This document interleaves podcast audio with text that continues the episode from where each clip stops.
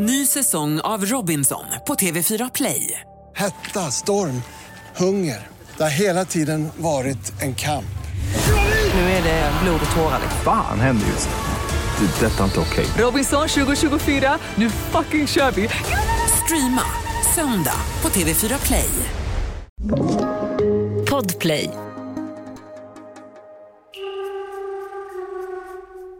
Planlägg er semester i tid. Se till att den blir er till bästa möjliga rekreation. Samt för dem av er som har tillfälle att företaga resor, även en utvidgad kännedom om mitt eget land och folk. Välkomna till krimpoddarnas krimpodds sommarföljetong Överkonstapelns sista fall.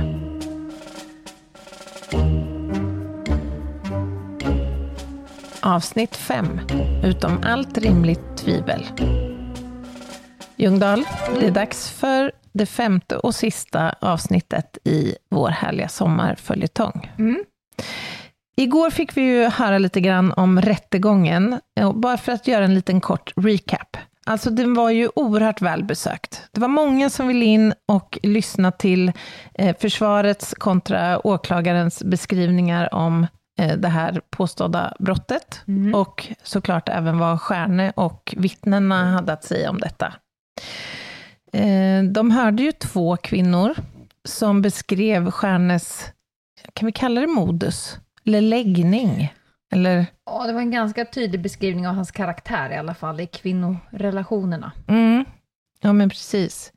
Eh, och de vittnade ju lite grann, de här vittnesmålen, om någon slags sexuellt avvikande liksom, beteendemönster, Mm. får man ju ändå säga. Men som du minns så gjorde de ju då en sinnesundersökning på Stjärne. Mm.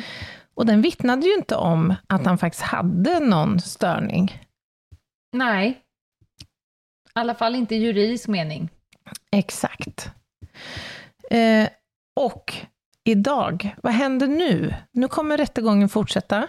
Ja, nu fortsatte rannsakningarna, vilket man då kallade det på den här tiden, rättegången. Och Stjärnes försvarsadvokat krävde hela tiden att Stjärne skulle försättas på fri fot. Mm.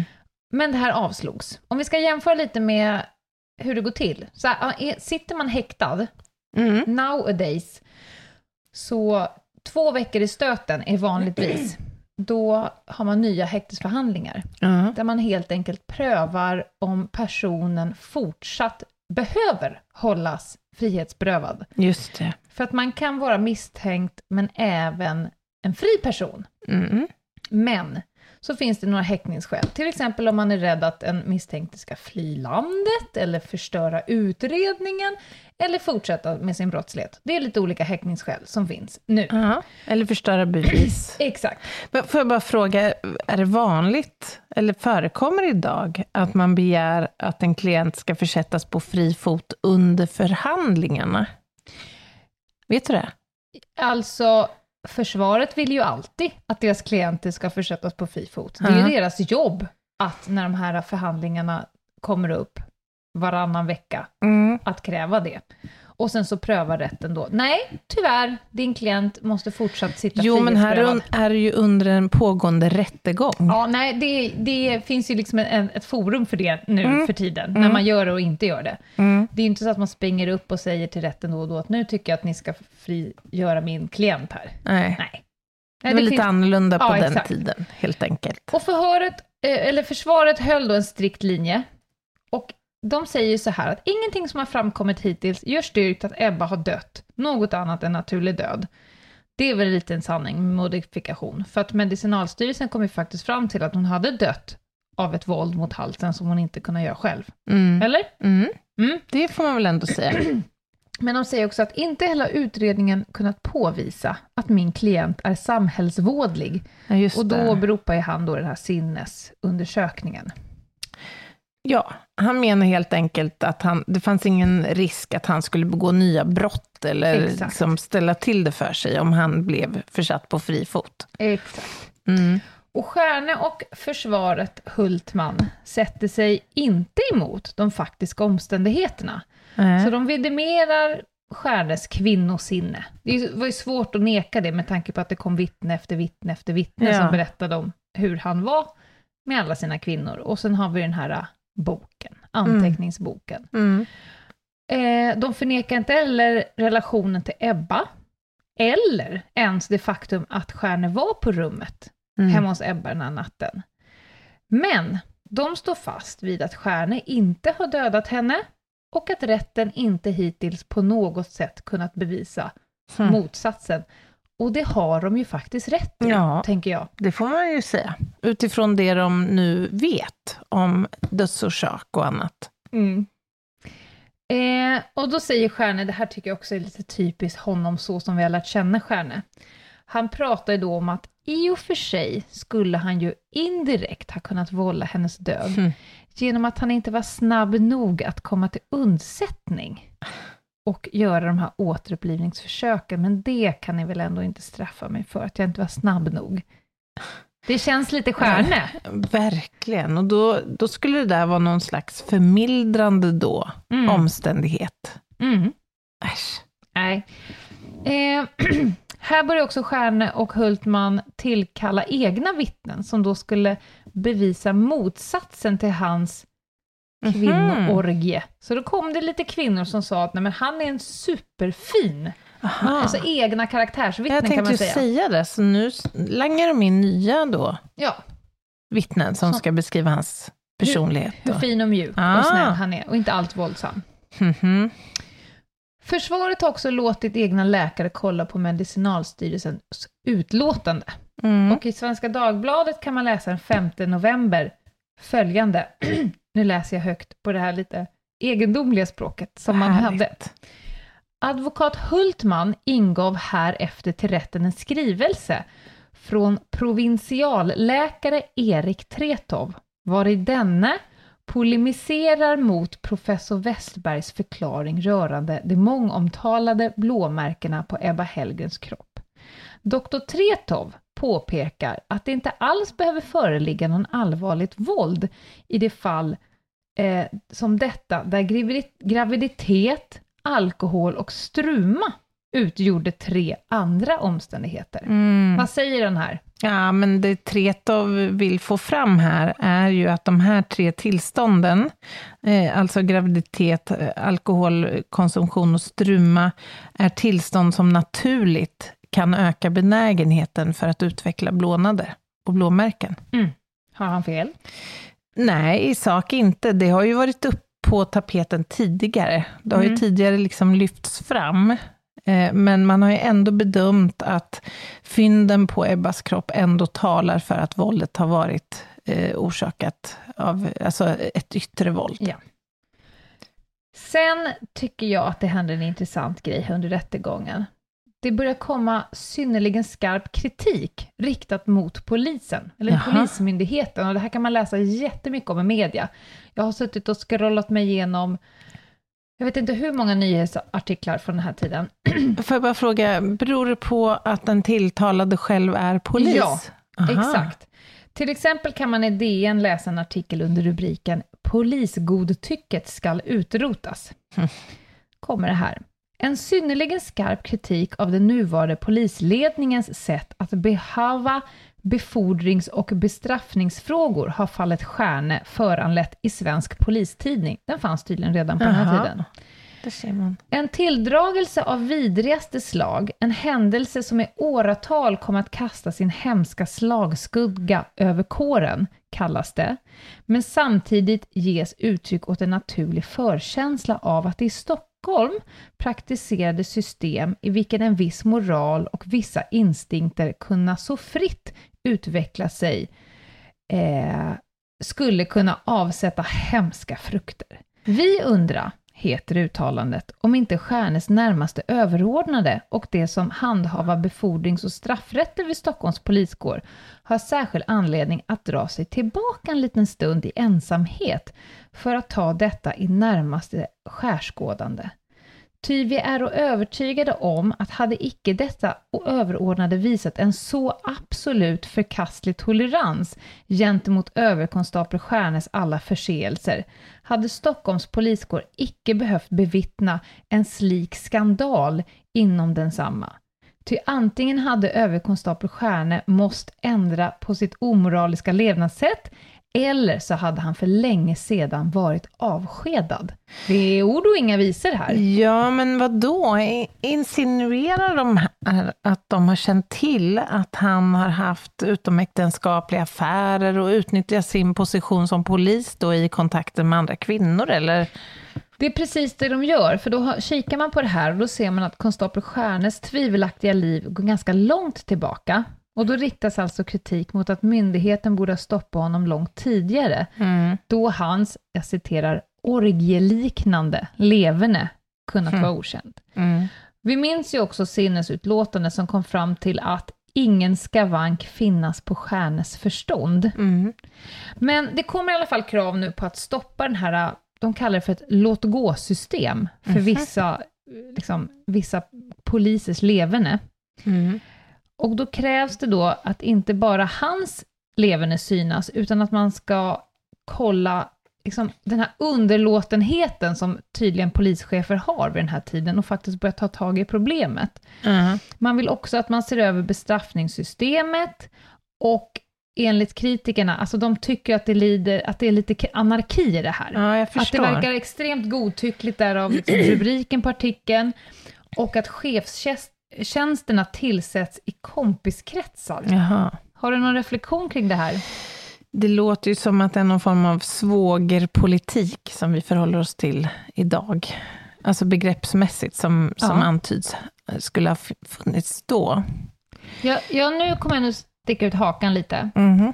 Det här var ju 1920-21 någonting. Mm, mm. Jag skulle vilja påstå att även under min tid mm. så är det ett par chefstjänster som kanske har tillsatts, där man i alla fall som utomstående funderar på hur i tusan gick det där till? För jag själv vet personer som ja. borde ligga bättre till. Men så vet man att de, ja, det vet jag, är med i samma golfklubb och så vidare. Inte längre, Nej. men när jag började, då tyckte jag att det var väldigt många chefer som hade väldigt för stora kostymer.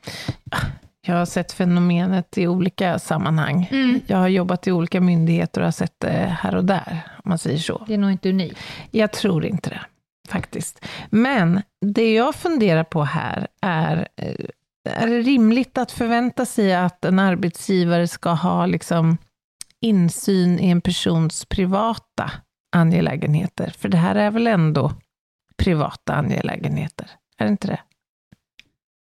Ja, jag, jag, skulle säga att som arbetsgivare ska du nog inte dit och klägga överhuvudtaget, men det vittnar ett par av de här uh, under rättegången, mm.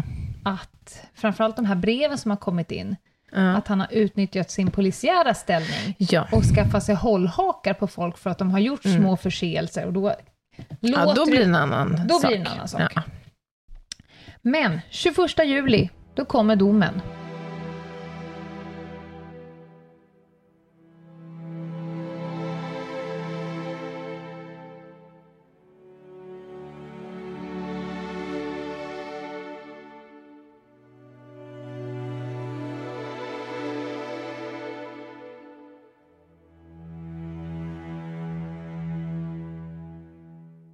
Jag beskriver den här dagen nu. Ja, vad spännande.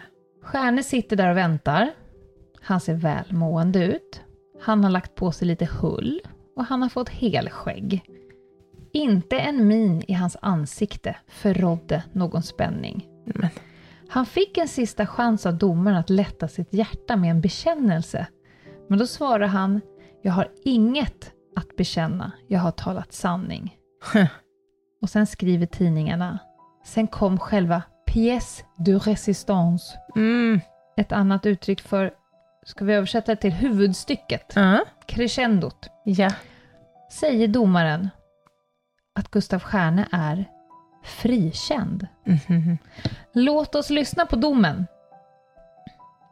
Vidkommande själva saken så är hur utredningen i målet giver vid handen att där i omförmedda ogifta Ebba Charlotta Hellgren avlidit hastigt i följd av kvävning.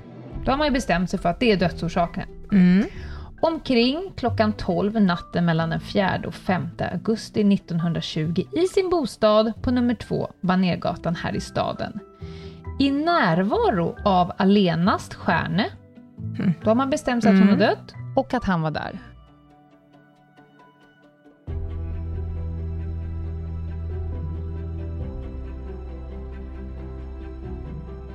Samt med hänsyn till härtill som till andra i målet och dagalagda förhållande, synnerligen besvärande omständigheter och liknelser måste anses föreligga däri att Stjärne genom av honom och Ebba Hellgrens utövad yttre åverkan berövat henne livet.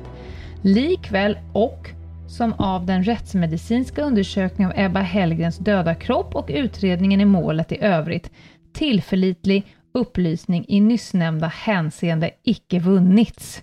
Icke vunnits alltså. Samt Stjärne förty icke mot sitt enständiga nekande blivit lagligen förvunnen att hava förorsakat medverka till Ebba Helgens död. Alltså finner rådhusrätten Stjärne icke kunna till ansvar i målet fällas. Vad betyder det här egentligen, Anna?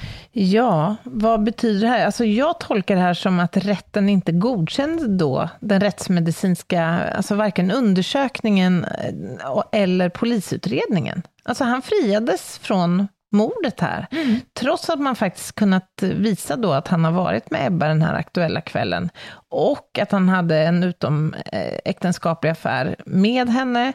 Eh, Han tillstod också att han möjligen kunde vara far till eh, hennes eh, ofödda barn. Och han har ljugit om omständigheterna runt den här tidpunkten där på natten när, när hon då hittas avliden. Och då kan man ju sett utifrån tänka, har de skrivit fel? Om allt det där är klarlagt, varför blev han inte dömd? Ja, det måste ju betyda att det ändå finns, eller fanns, någon form av tvivel då, kring hans roll i detta. Och därav begreppet bortom rimligt tvivel. För det Mm. begreppet har vi ju än idag. Mm. Alltså för att någon ska kunna bli dömd, då måste det vara ställt utom rimligt tvivel. Vad betyder ens det? Ja, vad betyder ens det? Ja, men det, det får ju inte finnas då några omständigheter som vittnar om att det skulle kunna ha skett på något annat sätt, Mm. helt enkelt. Och jag antar att det här till stor del handlar om svårigheten att, att eh, utröna omständigheterna under vilka hon avled, Mm. faktiskt. Håller helt med. Och det här med att klarlägga dödsorsaken i mordutredningar, det är ju väldigt viktigt, även idag ju. Mm. Jag vet inte, har du några erfarenheter av mål som du har följt eller intresserat dig av, där det har varit förekommande? Att det har varit svårt? Ja, det har jag ju, och framförallt så är det så himla centralt. Det är Ja. ju där allting börjar. För att när man har fastställt själva dödsorsaken, det är då man kan börja nysta i uppsåt kontra oaktsamhet. Ja. Vem har gjort vad? Innan man vet hur, hur döden liksom inträdde, så vet Mm. man inte heller... Nej. Ja. Nej, men alltså dödsorsaken är ju väldigt central eh, i meningen att det handlar ju också om att klargöra då dödssättet. Mm. Om man har dött till följd av sjukdom eller annans eh, handavverkan. Mm. eller så. Eh, och det är svårt att fälla någon för mord utan att man har kunnat fastställa dödsorsaken. Eh, och det kan, ju, det kan ju handla om att de fynd som finns på kroppen är svårtolkade, men det kan ju också bero på att kroppen inte är anträffad. Eller att kroppen har styckats och man kanske inte har anträffat eller påträffat alla delarna av kroppen helt enkelt.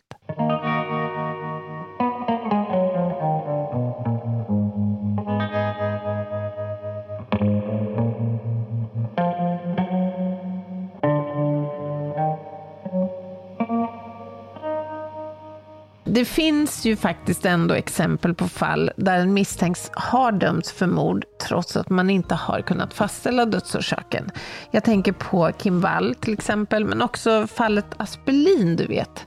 Alltså minns du det här fallet som vi tog upp i en podd om tandläkaren som försvann och där ja, hans bankman blev ju senare misstänkt och också dömd för det här mordet, trots att man faktiskt bara fann rester av kroppen i en kakelugn. Ja, just det. Kakelugnsmordet. Ja, precis. Och alltså kvävning i synnerhet är ju utmanande. På, helt enkelt på grund av att det finns många möjliga orsaker till att man kvävs. Som då i fallet med Ebba här. Men vad, vad då för många orsaker? Ja, men man kan ju hängas, strypas, man kan drunkna. Eh, vi kan prata om eh, manuell kvävning med händerna. Eh, autoerotisk död till Mm. exempel, som kan vara en frivillig ju, aktivitet. Eh, och som man sen avlider av till följd av ett ja, olycksfall, kan det väl beskrivas som. Man tog det för långt. Ja, Mm. Bolusdöd, alltså man eh, sätter en tugga mat i halsen och kvävs. Alltså det Mhm. finns många olika orsaker till kvävningsdöden, Mm. helt enkelt. Och finns det då så diffusa tecken på kroppen som i det här fallet, då är det ju svårt att beskriva eller helt enkelt komma fram till exakt vilken orsaken har varit. Mm. Utgångspunkten för ett mordåtal, det är ju att kunna visa att den tilltalade har begått gärningen med uppsåt. Mm. Och då blir det ju utmanande när man inte kan fastställa dödsorsaken, eftersom det alltid lämnar ett visst eh, tvivel. Alltså man kan ju inte vara helt säker då på att offret faktiskt själv inte har valt att avsluta sitt liv.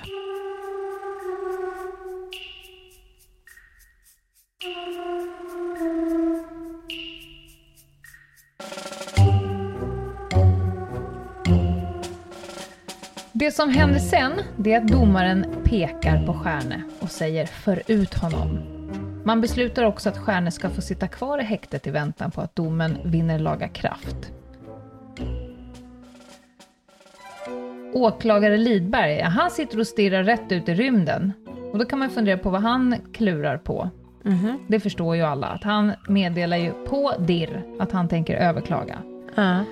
Han menar att utredningen var av så särskilt svårt slag att den behöver ses, ut, ses över igen. Och det här är inget konstigt. Det är samma sak nu. Att Det kommer en dom i tingsrätten och så tycker man att nej, jag tror att vi måste gå till hovrätten med det här. Ja. Lite mer juridiskt kunnande behöver mejsla sig in i den här utredningen. Det var samma sak här. Ja, det är ju så att för att överhuvudtaget få gå upp i rätten så måste det ju finnas tillräckligt för en fällande dom Exakt. från åklagarens sida. Så att han, det är klart att han kan känna sig besviken. Exakt.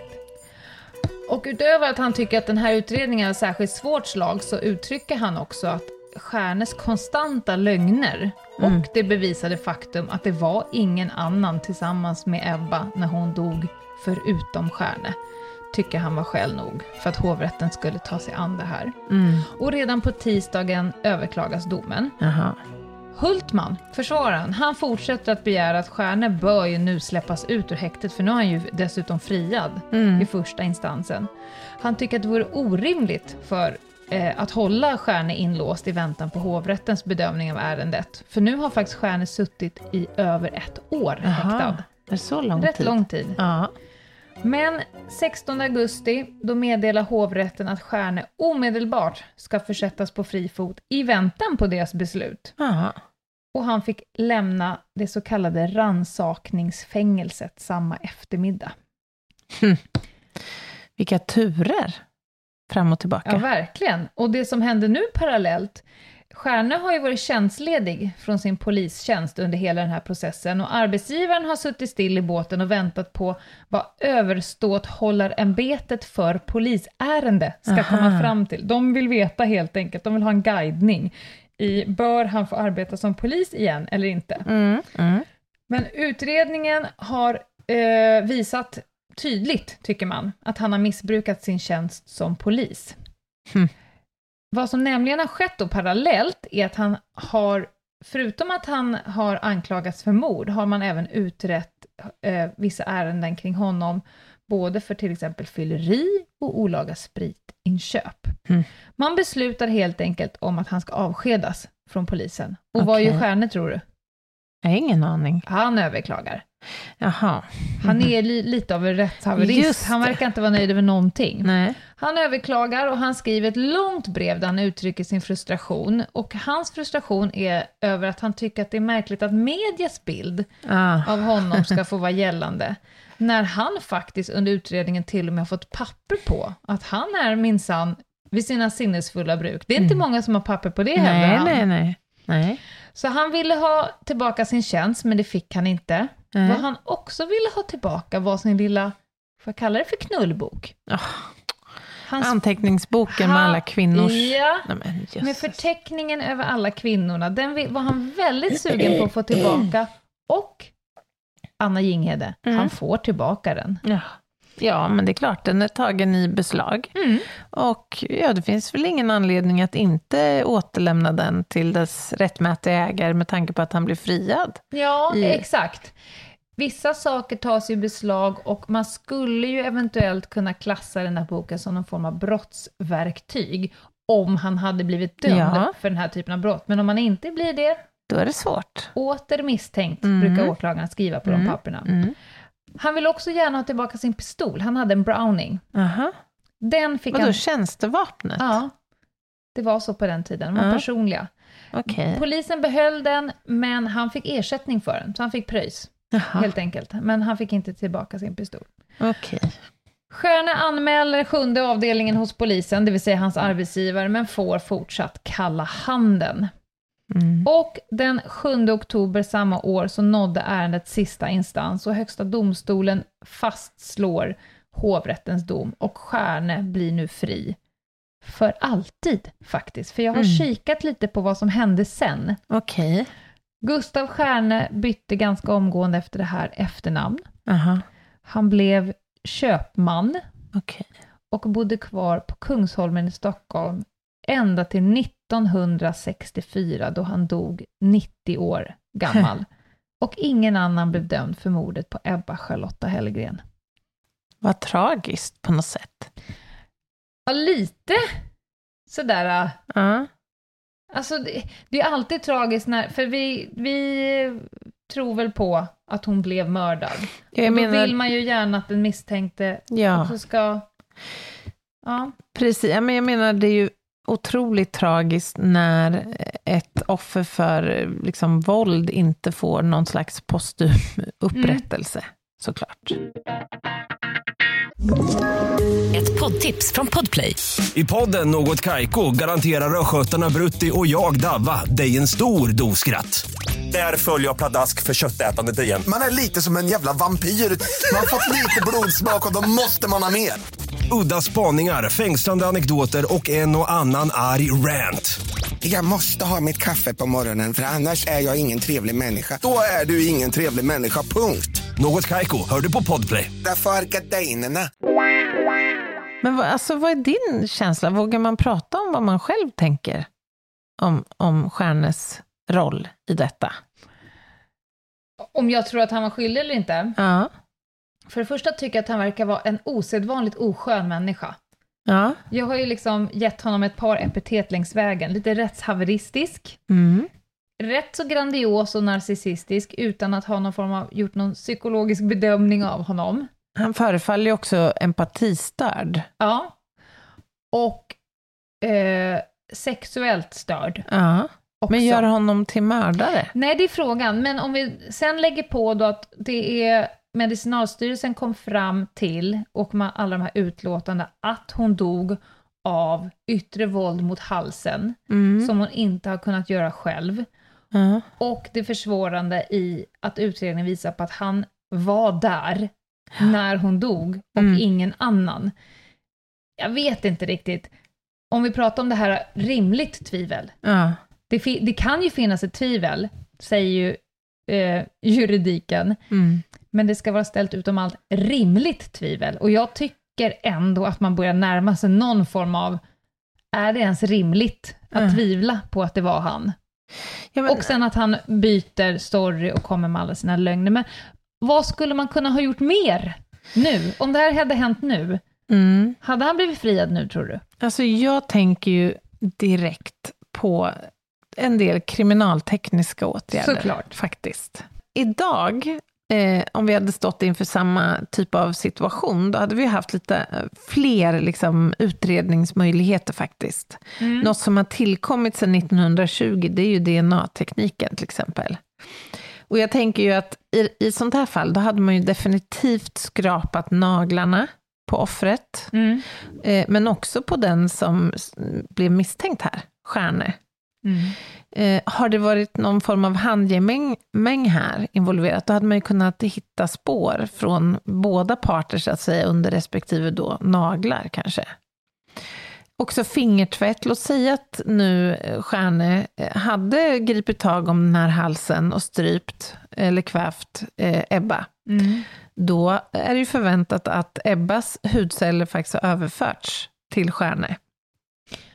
Men blir det inte försvårande i och med att han samtidigt vidimerar att de har en sexuell relation, att Absolut. de har umgåtts hela kvällen, att han har följt med henne in på rummet, Ja. att han har varit så oerhört charmant och, och hjälpt henne i säng och gett henne ett vattenglas. Så att det känns ju som att försvaret Hultman hade försökt sticka hål på alla de här formerna av DNA-överföringarna. Men det är klart att det är försvårande. Ebbas spår på honom kan ju förklaras av att de har faktiskt se- setts den här kvällen. Mm.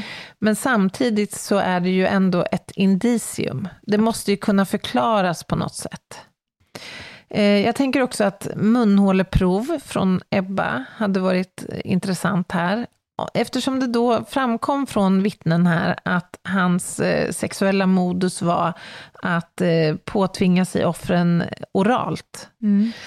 så hade det varit bra att klarlägga om det hade skett här. Det var ju en, en teori att hon faktiskt kan, kunde ha kvävts till döds Mm. på så sätt. Man hade kanske velat topsa även Ebbas hals. Mm. Om det nu är så att man finner då Stjärnes DNA avsatt över hela hennes hals, så kanske det ändå är en omständighet som hade kunnat mm, beskriva närmare vad som hade hänt där. Och även frånvaro av spår på, på, det, på den platsen. Mm. Jag tänker också att fostret som Ebba bar på måste ju ha varit väldigt intressant att göra en faderskapsbestämning av.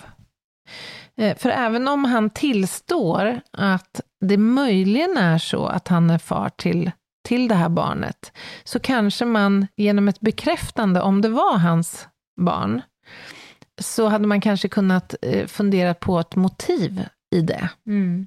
Han var ju gift vid den här tidpunkten.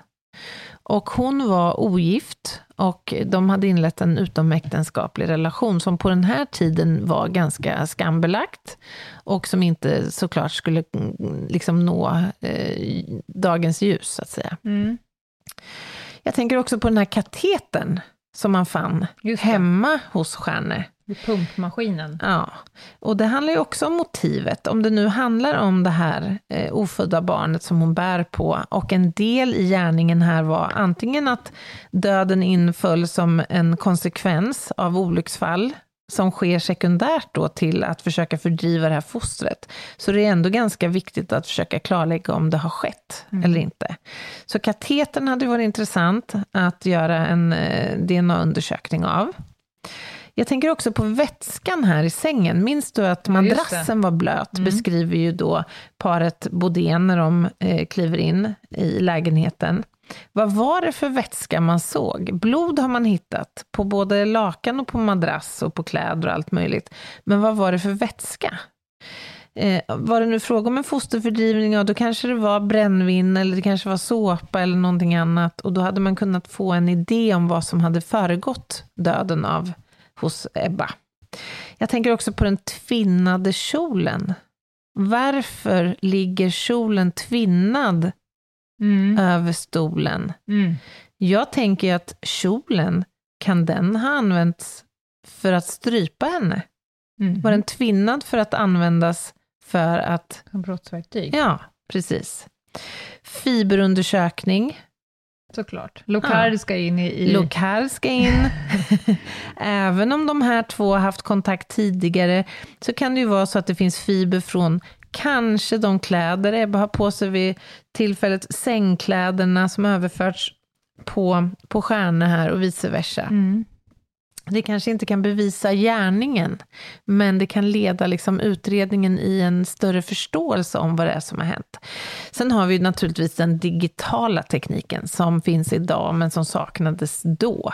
Kanske hade man idag hittat övervakningskameror i närområdet som kan mer exakt precisera tidpunkten när de rör sig här i området, inte bara Stjärne och Ebba, utan även JP och ja, alla de här personerna som har varit på tapeten och som har gjort iakttagelser. Eh, master har vi varit inne på i något avsnitt. Eh, master som alltså eh, kan tömmas eh, och ge information om vilka mobiltelefoner som har helt enkelt, eh, eh, ja, vad ska man säga? Funnits i området. Ja, precis. Eh, vi har ju också möjlighet via telefoner att få kanske en bild om historiken här. Vad hade de för typ av relation vid den här tidpunkten? Fanns det här en, en beef mellan de här två om det här ofödda barnet till exempel? Eller vilken typ av relation hade Mm. Stjärne och, och Ebba? Och sen så saknar jag faktiskt en rättsmedicinsk undersökning av Stjärne. Hade han skador på sin Just kropp? det. Har offret här mm, faktiskt gjort motstånd? Skulle det ha kunnat leda utredningen i eh, riktningen att han kunde fortsatt vara misstänkt, eller i någon helt annan riktning kanske? Jag vet inte. Jag saknar också en hel del. Jag tycker Ja. att de gjorde fel. Mhm. De sopade in honom eh, dagen efter hon dog, Mm. i slutet på hans arbetspass. Mm. Och sen kom han inte ut igen. Sen blev han liksom gripen, anhållen, hä- häktad. Ja. Med dagens eh, teknik, Mm. bara ponera att man hade hållit ett inledande förhör med honom, släppt ut han igen. Ja, Eh, förstå vad man skulle kunna ha gjort med spaning. just det. Att kika lite på honom, för är han medveten om att han har dräpt en person, Mm. så kommer han ju göra saker. Framför allt om han har varit på ett förhör. Så samma sekund som människor går ut från ett förhör, när de har ham- hamnat under lupp, Mm. då är det ju mumma att spana på människor. Mm. Vart tar du vägen sen? Ja. Vilka ringer? Tänk man får stampa in telefonavlyssning på honom då. Vilka ringer du? Eh, vart går du? Vad Mm. gör du med dina saker? Vilka Mm. träffar du nu för tiden?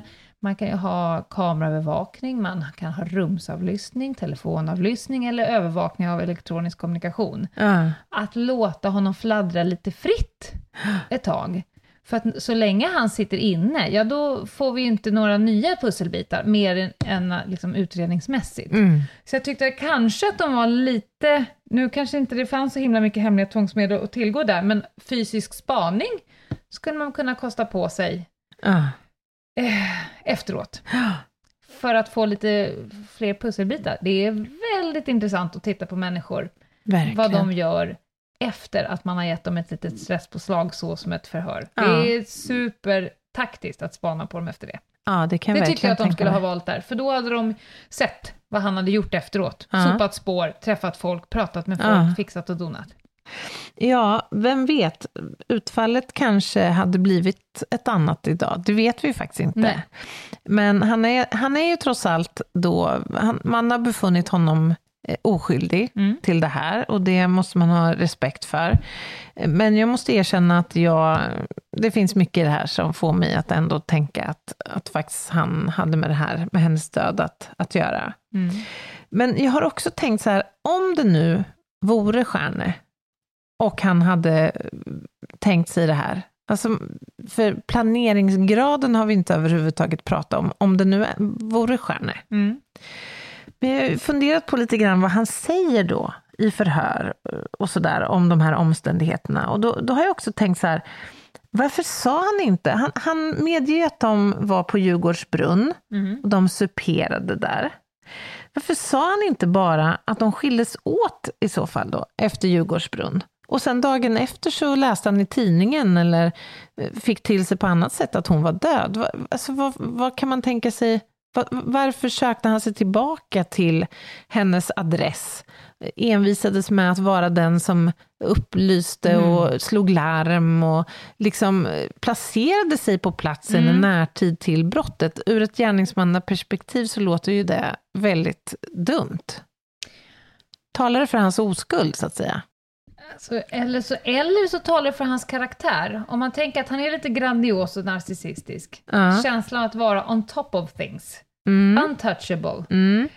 Dels det, men sen också det här med vad man lägger fram i förhör. Det handlar ju så himla mycket om, som vi har varit inne på tidigare, att det gäller att lägga en story som är så nära sanningen som möjligt. För att det kan ju räcka med att, att de blev körd i en bil, det blev han ju uppenbarligen. Han Mm. har stoppat någon på gatan och fått en cigg. Alltså han vet ju att det finns en potentiella vittnen längs hela vägen. Ja. Och då för att slippa få den i, rygg, så Ja, säger han det. på en gång att jag har visst gått den där sträckan. Så det är ju jättesvårt för någon att hålla sig till lögnen Ja. när detaljerna vävs ut. Ja, och samtidigt, jag tänker så här att han förstår ju att det kommer komma fram att han och Ebba har, Mm. eller har haft en relation ju. Så att, och det, kom, det kommer han ju svårligen kunna hålla sig borta ifrån. Han har ju setts tillsammans med henne trots allt tidigare.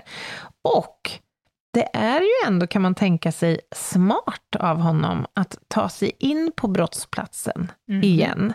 Och då tänker jag på Locard. Ja, visst. Om han kan avsätta sina spår naturligt där inför Mhm. flera andra vittnen, så att säga, Mm, visst. då finns de där naturligt och kan ju inte ifrågasättas, så att säga. Och det här med kon- den konstgjorda andningen, det kan ju faktiskt också ge nya skador på en, på en kropp, Mm. faktiskt. Som, som måste liksom uppstå för att syftet är att försöka rädda hennes liv. Ja, han har gjort ganska många saker som jag tycker är smarta. Och Ja, som kan ge naturliga förklaringar på någonting som vi än idag inte får reda på om de var naturliga. Nej. Eller en täckmantel. nej men exakt. Ja, det finns, det finns mycket i det här som är superintressant ju. Och tyvärr Mm. så kommer vi aldrig få veta vad det var som tog livet av Ebba Hellgren den 5 augusti 1920.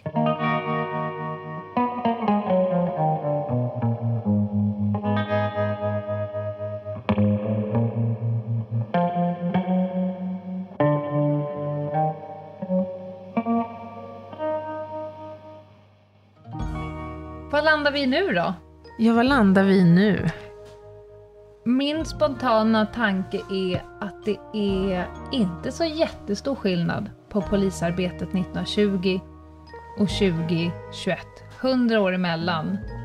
Men juridiken och arbetsmetoderna har inte ändrats så himla mycket, utan det är ju vilka metoder man har att tillgå Mm. som, har, som skulle kunna ha ändrat det här fallet ganska Mm. mycket. Mm. Och såklart utbildning, kunskap, evidens Mm. och så vidare. Ja, nej, jag håller med dig Lena. Men jag tycker också det är intressant, rättsprinciperna är lika. Mm. De som fanns för hundra år sedan och de som finns idag. Mm. Och det är ju oerhört viktigt och bra. Men som Gustav Stjärne då, nu är ju han ju, han blev ju friad. Men män med den typen av karaktär och leverne, finns det sådana runt omkring oss nu då, Anna? Ja, det, det gör det definitivt. Mm. Det gör det ju. Sen, eh, så det har vi varit inne på, det är det är stor skillnad att ha lite svaj på sin etiska och moraliska kompass Mm. och att faktiskt begå brott. Det Mm. måste vi hålla isär. Det måste vi, och det som har ändrats ganska mycket sen då och nu, till exempel att ha sexuellt umgänge med en tioåring Mm. och göra henne gravid när hon är 17. Eh, nu så hade det varit allvarliga brott. Verkligen. Eh, det var det inte då. Så att, eh, ja, allt var inte bättre förr hörni. Nej, det var det inte. Ja, Lena, alltså det har varit så spännande att följa det här fallet tycker jag. Och jag hoppas eh, att ni där ute som har lyssnat också tycker det. Ja, och jag måste säga, har vi inte fått lite mer smak? Kan vi inte redan nu utlova att vi kör en favorit i repris nästa sommar, fast med ett nytt härligt fall? Ja, men verkligen. Och fram tills dess så lyssnar ni såklart som vanligt på oss. På måndagarna så släpper vi en veckans spaning och på torsdagarna så blir det krim för hela slanten.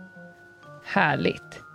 Och ni kan ju, om ni vill, om ni är sugna på att skicka en fråga eller undra något, så nås vi på hej at ljungdahlochginghede.se. Och vi önskar er nu alla en ljuvlig sommar.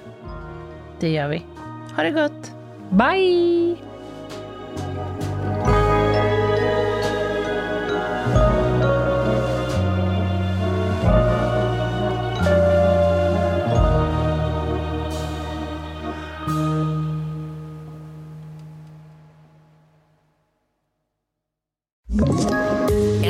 Poddtips från Podplay. I fallen jag aldrig glömmer djupdyker Hasse Aro i arbetet bakom några av Sveriges mest uppseendeväckande brottsutredningar. Går vi in med hemlig telefonavlyssning och, och då upplever vi att vi får en total förändring av hans beteende. Vad är det som händer nu? Vem är det som läcker? Och så säger han att jag är kriminell, jag har varit kriminell i hela mitt liv men att mörda ett barn, där går min gräns. Nya säsongen av Fallen jag aldrig glömmer på Podplay.